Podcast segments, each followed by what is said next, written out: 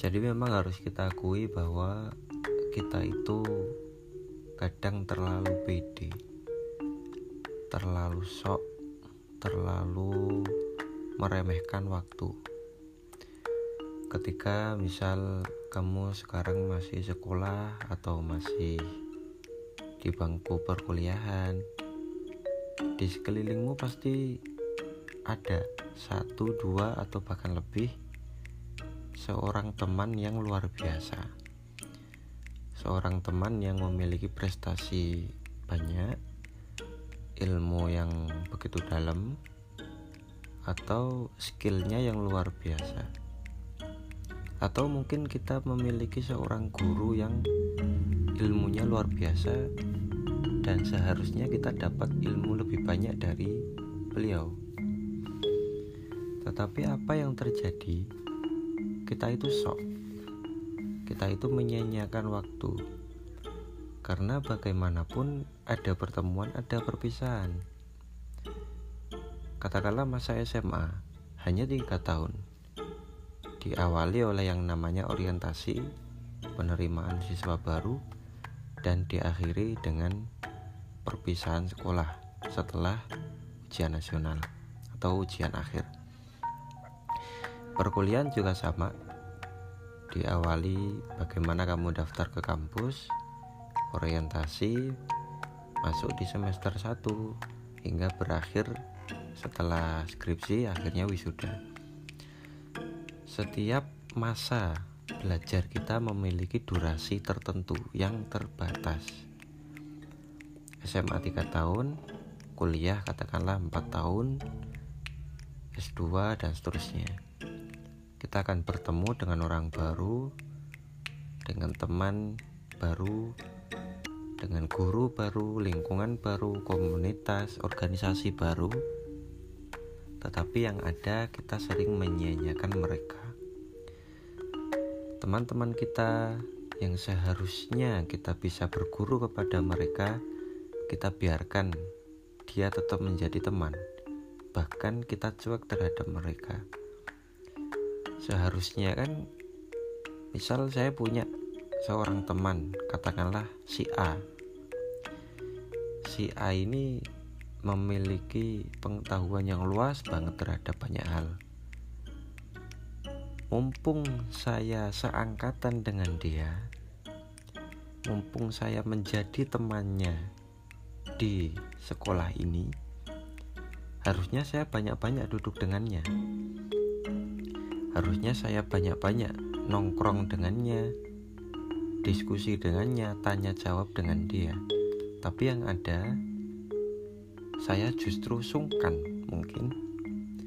Sungkan mau tanya, sungkan mau deket, atau bahkan kita takut terhadap dia, takut ganggu, takut apalah itu pikiran-pikiran kita sendiri yang kacau kita mungkin hanya ngobrol sekali dua kali dengan dia yang ketika akhirnya kita terpisah oleh kelulusan saya gagal untuk menekuk ilmu-ilmu yang dia miliki yang belum tentu saya kembali memiliki teman seperti dia.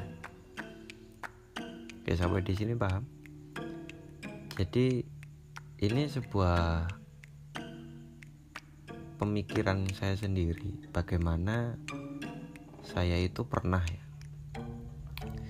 ketika awal-awal kuliah dulu di Surabaya itu saya punya temen ngobrol. Sebenarnya senior atas saya cuma ya untungnya nggak apa saya sama dia nggak nggak mengenal senioritas gitu. Saya saya lebih tua kamu harus hormat sama saya atau oh ya saya ini senior gini enggak. Jadi kita kalau ngopi-ngopi kita bahas ilmu dan dia adalah satu-satunya orang yang paham betul sejarah kebudayaan imbang dengan saya. Dalam arti dia dia pembaca ulung. Bacanya luar biasa. Kalau saya bahas Jawa dia bisa ngimbangi pemikirannya terbuka gak kagetan bacaannya juga luas. Teori ini tahu teori itu tahu. Jadi kita tiap ngopi itu pasti bahasnya asik berdua. Dan ketika dia lulus dia wisuda saya masih semester 4 gitu. jadi beda berapa tahun ya. Waktu itu saya melihat dia terakhir kali ya ketika wisuda itu karena setelah itu dia pergi ke Jogja dan nggak pernah punya kesempatan untuk ke Surabaya lagi. Dia lanjut S2 ke sana. Nah di sini saya punya pemikiran bahwa harusnya kemarin-kemarin sebelum wisuda saya lebih banyak ngopi dengan dia. Karena banyak hal yang belum saya tahu yang dia tahu dan juga saya gak punya teman lagi yang seperti dia yang bisa diajak ngobrol dalam banget masalah kebudayaan, masalah sejarah, masalah filsafat. Karena memang dia termasuk orang yang langka dalam aspek ini. Dan di situ saya agak agak nyesel sebenarnya. Nah, saya kan punya forum ya di Surabaya itu saya mendirikan beberapa forum keilmuan ya kajian malam kajian waktu sore, bahas buku ketika siang, dan seterusnya. Saya berpikir bahwa yang saya buat ini bagus karena mewadahi teman-teman atau ma apa mahasiswa baru atau yang lain sebagainya untuk memiliki wadah untuk belajar, memiliki tempat untuk bagaimana baca buku dengan baik, menyampaikan materi, ngomong di depan banyak orang latihan ngomong. Terus untuk mengisi waktu luang juga daripada di kos ya tiduran mending kita bahas ilmu. Nah selama 2 tahun 3 tahun bahkan 4 tahun sampai saya lulus yang ikut di forum ini nggak pernah lebih dari 20 orang pasti kalau anggota tetapnya sih maksudnya yang rutin ikut itu paling mentok hanya 7 sampai 8 orang. Dikit banget, dikit. Karena ya memang faktanya saya banyak baca. Ilmu saya juga gak dikit. Dan saya bisa mengajak orang untuk jalan ke potensinya masing-masing gitu loh. Misal tak tanya, kamu sukanya apa? Oh, saya pengennya itu kok saya pengen jadi wirausaha saya pengen jadi orang kaya saya makanya saya sukanya bisnis. Ayo kita baca bisnis saya ajak diskusi gitu. Jadi saya berpikir bahwa tiap orang itu memang memiliki potensi masing-masing gitu loh. Nggak bisa kita pukul rata. Nah kelebihan saya di sana saya bisa memaksimalkan potensi tiap orang dengan saya melihat karakternya, bagaimana dia ngomong, bagaimana dia nulis, bagaimana dia membaca dan seterusnya, akhirnya saya bisa menentukan jalan. Jadi anak-anak saya di Surabaya itu memang pada dasarnya saya menunjukkan jalan kepada mereka berdasarkan potensi. Nah, pada akhirnya ketika saya mau mau lulus, waktu tinggal sebentar, baru ada banyak sekali mahasiswa yang baru sadar. Kok mas kok harusnya kok saya ikut dari dulu gini? Mas kok, kok saya kok, kok bingung harusnya saya begini-begini tanya ke saya minta saran. Ya saya bilang loh sampai dari kemarin ke mana aja? Kok gak pernah ikut kajian yang saya bikin. Kok gak pernah ikut forum yang saya adakan. Mereka ingin belajar. Mereka haus ilmu. Mereka gak tahu arah harus ke mana. Tetapi yang ada mereka gak pernah datang. Mereka gak pernah ikut. Saya tanya alasannya macam-macam. Ada yang sungkan lah. Ada yang takut lah. Ada yang ah gimana lah banyak saya juga merasa bersalah juga gitu karena ya gimana gitu loh kok kok wah ini saya juga bingung sendiri gitu loh. Ibaratnya saya sudah masak makanan sudah menyediakan di meja tinggal diambil tinggal makan saya sediakan piring saya sediakan tisu minum dan seterusnya. Sudah tersedia tetapi mereka gak ngambil. Entah kenapa alasannya macam-macam. Dan ketika makanan itu sudah saya bersihkan sudah habis mereka baru tanya saya kok lapar ya? Makan apa? Gitu. Di sini kan ada semacam gimana ya kalau saya ngomong itu? Kalian itu ke mana aja gitu loh teman kalian itu banyak yang hebat. Jadi saya itu di angkatan saya itu banyak teman-teman yang hebat itu banyak. Ada yang udah uh, apa paham hadis banget ya. Ada yang paham kesehatan secara luas. Ada yang bacaan kitabnya itu banyak. Ada yang hafal Al-Quran ada banyak sekali. Dan saya melihat teman-teman yang pinter ini di semester-semester awal itu coba bikin semacam forum mereka sendiri untuk memfasilitasi teman-teman angkatan yang tidak paham tentang sebuah materi gitu. Misal uh, kita mempelajari tentang uh, hadis ya. Hadis kan agak susah ya kalau kita bahas agama ini karena hadis kan nanti ketemunya kan teks Arab. Hadis kan Arab ya.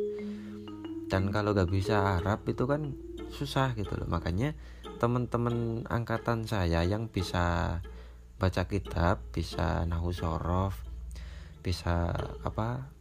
Bisa kaidah gramatikal Arab itu bikin semacam pertemuan, bikin kajian supaya teman-teman yang nggak bisa baca, nggak bisa paham bahasa Arab itu belajar gitu loh. Kita itu kasih wadah, tetapi yang ada forum itu gak bertahan selama 2-3 bulan itu udah habis. Mereka gak pernah datang lagi. Dan teman-teman saya yang pinter-pinter ini yang berniat bantu dengan membuat forum ini pada akhirnya bilang begini. Waktu itu saya ikut uh, berempat kalau pada nggak salah pada itu kita ngopi berempat. Para pendiri ini mereka akhirnya bilang kok ternyata teman-teman itu memang nggak mau nggak mau bisa. Mereka bukan kok nggak bisa. Mereka bukannya bodoh. Mereka bukannya apa ya bukannya sulit dalam arti eh, nggak uh, bisa datang karena sakit atau nggak bisa datang karena rumahnya jauh, jauh dan nggak punya motor. Nggak. Mereka semua itu sebenarnya bisa datang sebenarnya mereka mampu untuk ikut forum itu dan mendapatkan ilmu dan saya yakin kalau ikut kajian ini dua semester sudah sudah bisa bahasa Arab dasar sudah bisa saya yakin. Karena yang ngajarin ini juga bukan orang sembarangan gitu. Mereka mondoknya berbelasan tahun gitu. Mumpuni banget tapi mereka gak datang. Mereka bukannya tidak bisa dalam arti bodoh tidak bisa bukan karena sulit paham atau gak punya kitab atau apa pun mereka gak bisa karena gak mau. Paham ya? Jadi kita itu saya itu juga bingung gitu. Misal saya ya saya sekolah di sekolah A saya gak bisa bahasa Inggris misal. Sedangkan ada teman kelas saya yang pinter banget nilainya minimal 90 tiap ulangan harusnya kan saya tanya ke dia mas coba dong aku terangin ini kan enak gitu loh. Oke kalau saya kan nggak nggak semua ya, murid itu berani tanya langsung kepada guru. Ya bisa jadi sungkan. Oke kalau kalau sungkan dalam taraf ini kita maklumi karena memang ke lebih tua itu kan butuh mental tertentu juga butuh adab dan seterusnya. Tetapi kalau ke teman sendiri kenapa gitu loh apa susahnya sih minta ngajarin teman kita sendiri yang lebih pinter dari kita? Saya bodoh banget sama bahasa Inggris misal. Terus ada si A teman kelas saya yang nilainya tinggi. Saya harusnya tanya dong ke dia mas ini kok saya kok kok belajar terus kok bingung ya? Coba kamu terangin dong dikit gitu. Yang namanya temen pasti mau bantu gitu loh saya gak pernah menemukan orang yang nolak jelasin saya gak pernah. Karena pada dasarnya orang yang pinter itu senang jelasin orang itu senang di sisi lain dia merasa diakui ilmunya diakui. Itu sifat naluri manusia. Yang kedua dia ngajari orang sekaligus menambah pengetahuannya dia sendiri. Karena kalau uang saya bagi kepada orang uang saya lama-lama habis. Tetapi kalau ilmu tidak ilmu itu semakin dibagi semakin nambah gitu. dan orang yang pinter pasti mau bagi pasti mau jawab pertanyaan pasti mau ngajarin dan kenapa kok kamu termasuk saya termasuk kita semua kok kadang-kadang itu gak mau datang ke mereka gitu jadi ini termasuk sesuatu yang menurut saya sangat merugikan diri kita sendiri. Karena tadi sekolah itu dibatasi tiga tahun. Habis itu lulus kita gak tahu bisa ke mana. Habis wisuda dari perkuliahan kita gak tahu nasib kita masing-masing seperti apa akhirnya pisah kan? Apalagi kalau kamu kuliah di kota besar yang di sana itu mahasiswanya dari berbagai daerah kamu gak nggak akan bisa ketemu dengannya yang rumahnya jauh. Apalagi kalau saya tinggalnya Jawa rumahnya di luar Jawa. Gimana bisa ngobrol lagi? Wong kadang WA saja juga susah gitu kan. Tapi mumpung sekarang kamu sekelas dengan dia kamu bisa ketemu dengan dia tiap hari. Kamu bisa ajak dia nongkrong. Cobalah kamu itu berguru kepada dia. Minta ilmunya. Mas aku coba terangin ini dong. Mas aku minta rekomendasi ini dong. Mbak aku coba kamu terangin ini dong mbak. Saya kok kurang paham seharusnya kan seperti itu gitu loh. Jadi saya itu apa ya semacam kecewa terhadap teman-teman saya sendiri karena dari semester awal sampai semester akhir mereka gak pernah berusaha untuk menutupi kekurangannya, menutupi kebodohannya dan seterusnya tetapi ketika mau lulus mereka baru sadar gitu. Loh sampai ngapain aja selama ini gitu. Kalian ke mana aja? Kok nggak pernah minta bantuan kami yang sudah dianugerahi pikiran yang terbuka terhadap ilmu pengetahuan gitu? Jadi ini termasuk sesuatu yang saya saya hindari betul sejak dulu. Ketika saya belajar di kampung Inggris dulu itu saya pernah sakit sehari eh, dua hari kalau nggak salah. Dua hari saya sakit ketinggalan materi. Kalau waktu itu saya saya ingat betul saya ketinggalan materi tentang modal. Ya bahasa Inggris kan ada ya materi modal. Ya kan saya nggak masuk kelas ya artinya saya ketinggalan. Nah waktu itu eh, perkuliahan saya saya diploma ya kan hari aktifnya itu Senin sampai Kamis. Jumatnya itu uh, ujian lisan dan Sabtu minggunya kosong. Nah beruntungnya saya saya cuma sakit dua hari dan akhirnya Sabtu itu juga Sabtu setelah saya sakit itu saya langsung minta tolong secara pribadi kepada teman angkatan saya yang paling pintar pada waktu itu namanya Miss Timor Miss aku ajarin ini dong kemarin saya gak masuk. Ajarin ini bab ini. Dan akhirnya saya hanya berdua sama dia. Jadi kelas saya pakai kelas waktu itu kosong saya pakai sama dia. Saya minta ngajarin betul sampai saya paham. Sejak itu saya saya mengaplikasikan hal ini sampai terus saya kuliah dan seterusnya teman kita, teman angkatan, teman kelas pasti memiliki basic berbeda-beda. Pasti mereka memiliki skill yang berbeda-beda. Ada yang pintar jahit, ada yang paham mengenali mengenai HP, ada yang pintar masalah otomotif, ada yang pintar organisasi, ada yang suka baca, ada yang pinter ngomong dan seterusnya ketika saya misal saya nggak tahu apa-apa terus saya punya uang banyak punya duit dan saya pengen beli HP saya harusnya tanya ke teman saya yang paham HP dong. Mas ini saya punya uang segini enaknya saya beli HP apa ya? Minta rekomendasi kan enak gitu kan? Saya minta uh, rekomendasi teman saya yang suka otomotif suka motor paham banget sama motor. Kira-kira dana segini beli motor apa ya enaknya gitu? Dia pasti paham karena dia yang suka. Dia yang paham dia yang tahu tentang itu gitu. Jadi maksud saya kenapa kok kita itu gak gak uh, apa itu gak menguras ilmu dari teman kita sendiri gitu. kita itu ke mana aja gitu saya yakin kok dari sekian banyak temen yang kamu punya pasti dia itu ada orang yang hebat-hebat itu tadi.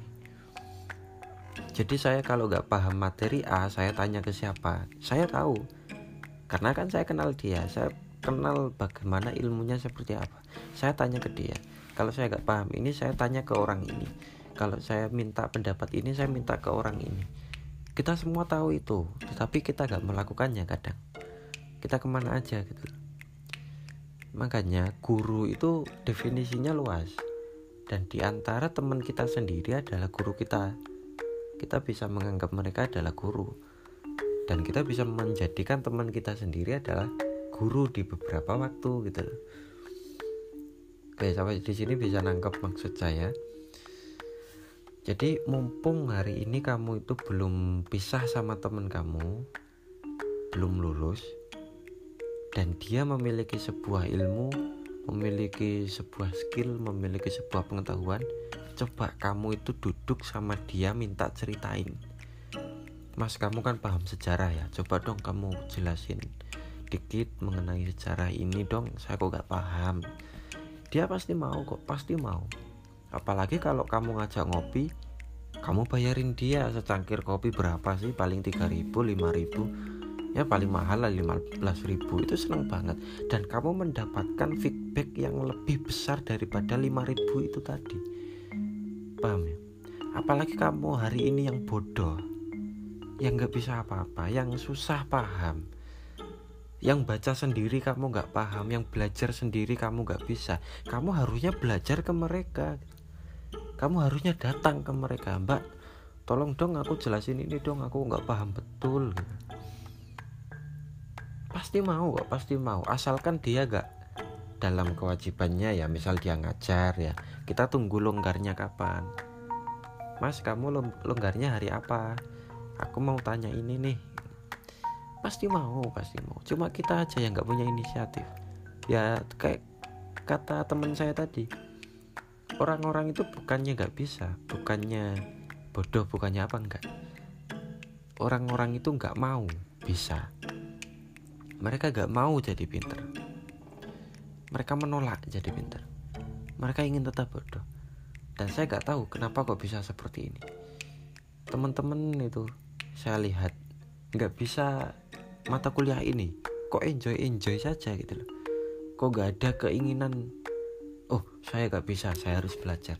Oh saya gak bisa, saya harus minta arahan kepada si A oh saya kok nggak paham ini ya saya harusnya harus belajar ke si B enggak enjoy enjoy saja malah ketawa ketawa nggak ada beban seolah-olah kenapa kok bisa seperti itu gitu padahal ya waktu belajar kita terbatas. Bis, siapa yang bisa menjamin kamu nanti yang kamu sekarang masih sekolah? Siapa yang bisa menjamin kamu nanti bisa kuliah? Bisa jadi waktu belajar terakhirmu itu di masa SMA kita nggak tahu itu.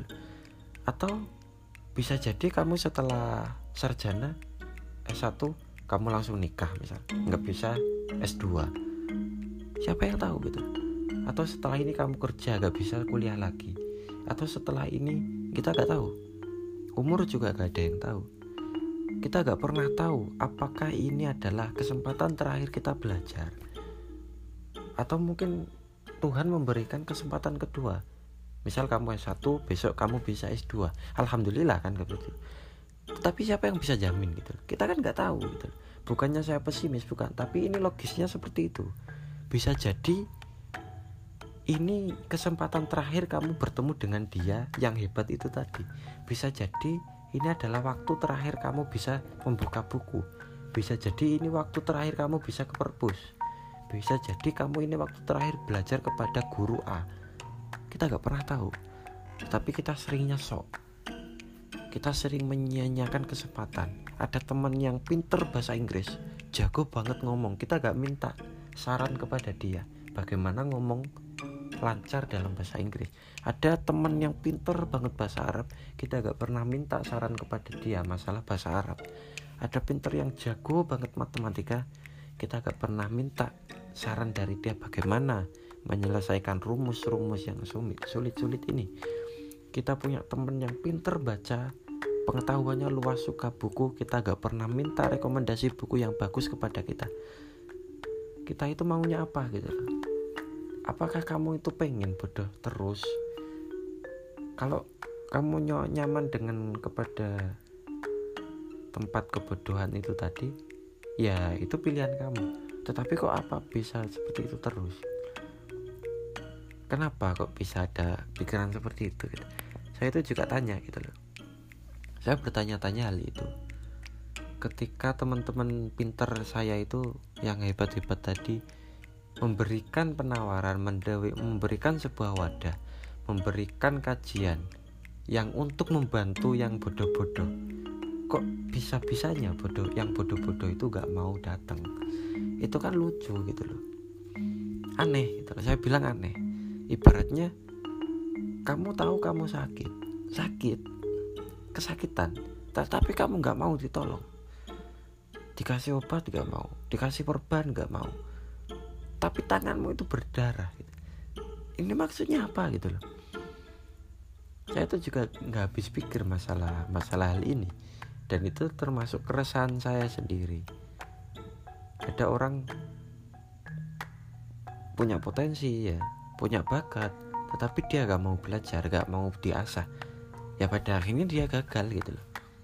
Dia gak punya arah tujuan. Dan ketika kita arahkan dia menolak aneh kan? Aneh. Ya kayak gitu orang-orang jadi maksud saya di segmen ini adalah ayolah kita itu mumpung sempet ya. mumpung bisa. Mumpung ada waktu ayo kita isi. Bisa jadi besok kita gak ada kesempatan. Kita gak pernah tahu. Makanya mumpung sekarang kamu sekolah pelajari mata pelajaran dengan baik banyak-banyaklah ngobrol dengan temenmu yang lebih pinter. Si juara kelas itu cobalah kamu tanya bagaimana dia belajar bagaimana dia itu mengerjakan PR dan seterusnya. Kita tanya coba tanya. Ajak dia ngopi ada ajak dia nongkrong di kantin tanya terus gali bagaimana cara dia belajar kalau kamu punya guru banyak-banyaklah tanya kepada beliau pak saya kok nggak paham ini saya kok paham ini. Karena ketika kamu lulus selesai kamu pisah dengan mereka kamu bisa jadi gak bisa bertemu lagi dengan mereka. Kalau kamu sekarang adalah mahasiswa carilah teman-teman di kamp di kampusmu di organisasimu di komunitasmu di luar semuanya. Cari teman-teman yang menurutmu lebih hebat dari kamu, kamu minta saran. Kamu minta bagaimana dia itu mengerjakan tugasnya, bagaimana mengatur waktu, bagaimana nyari duit, bagaimana memanajemen keuangan, bagaimana mengasah mental. Tanya kepada orang yang tepat gitu. Dan saya pikir banyak sekali teman-teman kita itu yang luar biasa datanglah kepada mereka gitu. minta saran. Kalau perlu minta arahan minta bimbingan. Secara terang-terangan jadilah orang yang berposisi sebagai murid dan dia sebagai guru.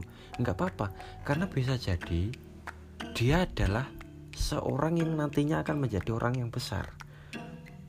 Dan mumpung kamu sulit bertemu dengan dia lagi entah sebab kelulusan atau entah sebab dia nanti menjadi orang besar kamu gak bisa ketemu dia setiap waktu. Mumpung sekarang kamu bareng sama dia menjadi teman kelas menjadi teman angkatan. Bisa nongkrong bisa kamu ajak ngopi bisa kamu ajak duduk bareng di kelas. Tanyalah tanya. Mintalah ajak ngobrol minta kasih tips minta kasih saran dan seterusnya. Tetapi nyatanya hal ini juga nggak mudah dilakukan dan nggak semua orang mau melakukan. Tetapi saya pribadi sudah melakukannya bertahun-tahun sejak dulu. Saya melakukan hal ini dan saya beruntung melakukannya karena saya justru banyak mendapatkan ilmu dari mereka. Saya mendapatkan wawasan baru, mendapatkan solusi atas permasalahan saya sendiri, mendapatkan saran-saran, mendapatkan ilmu yang tidak pernah ada di buku. Saya beruntung dan saya akan melakukannya terus. Saya berharap teman-teman juga bisa mengikuti apa yang saya sampaikan. Ayo, kita buang rasa sungkan, kita buang rasa sok pinter, sok bisa, karena bagaimanapun kita harus terus belajar buang rasa malu rasa sungkan rasa takut diganggu ya izin dulu lah. Mas ada waktu luang nggak? Mas kamu luangnya kapan? Gitu dong nggak nggak nggak geruduk-geruduk juga gitulah jadi ada ada tekniknya memang ya. Pasti semua paham lah maksud saya.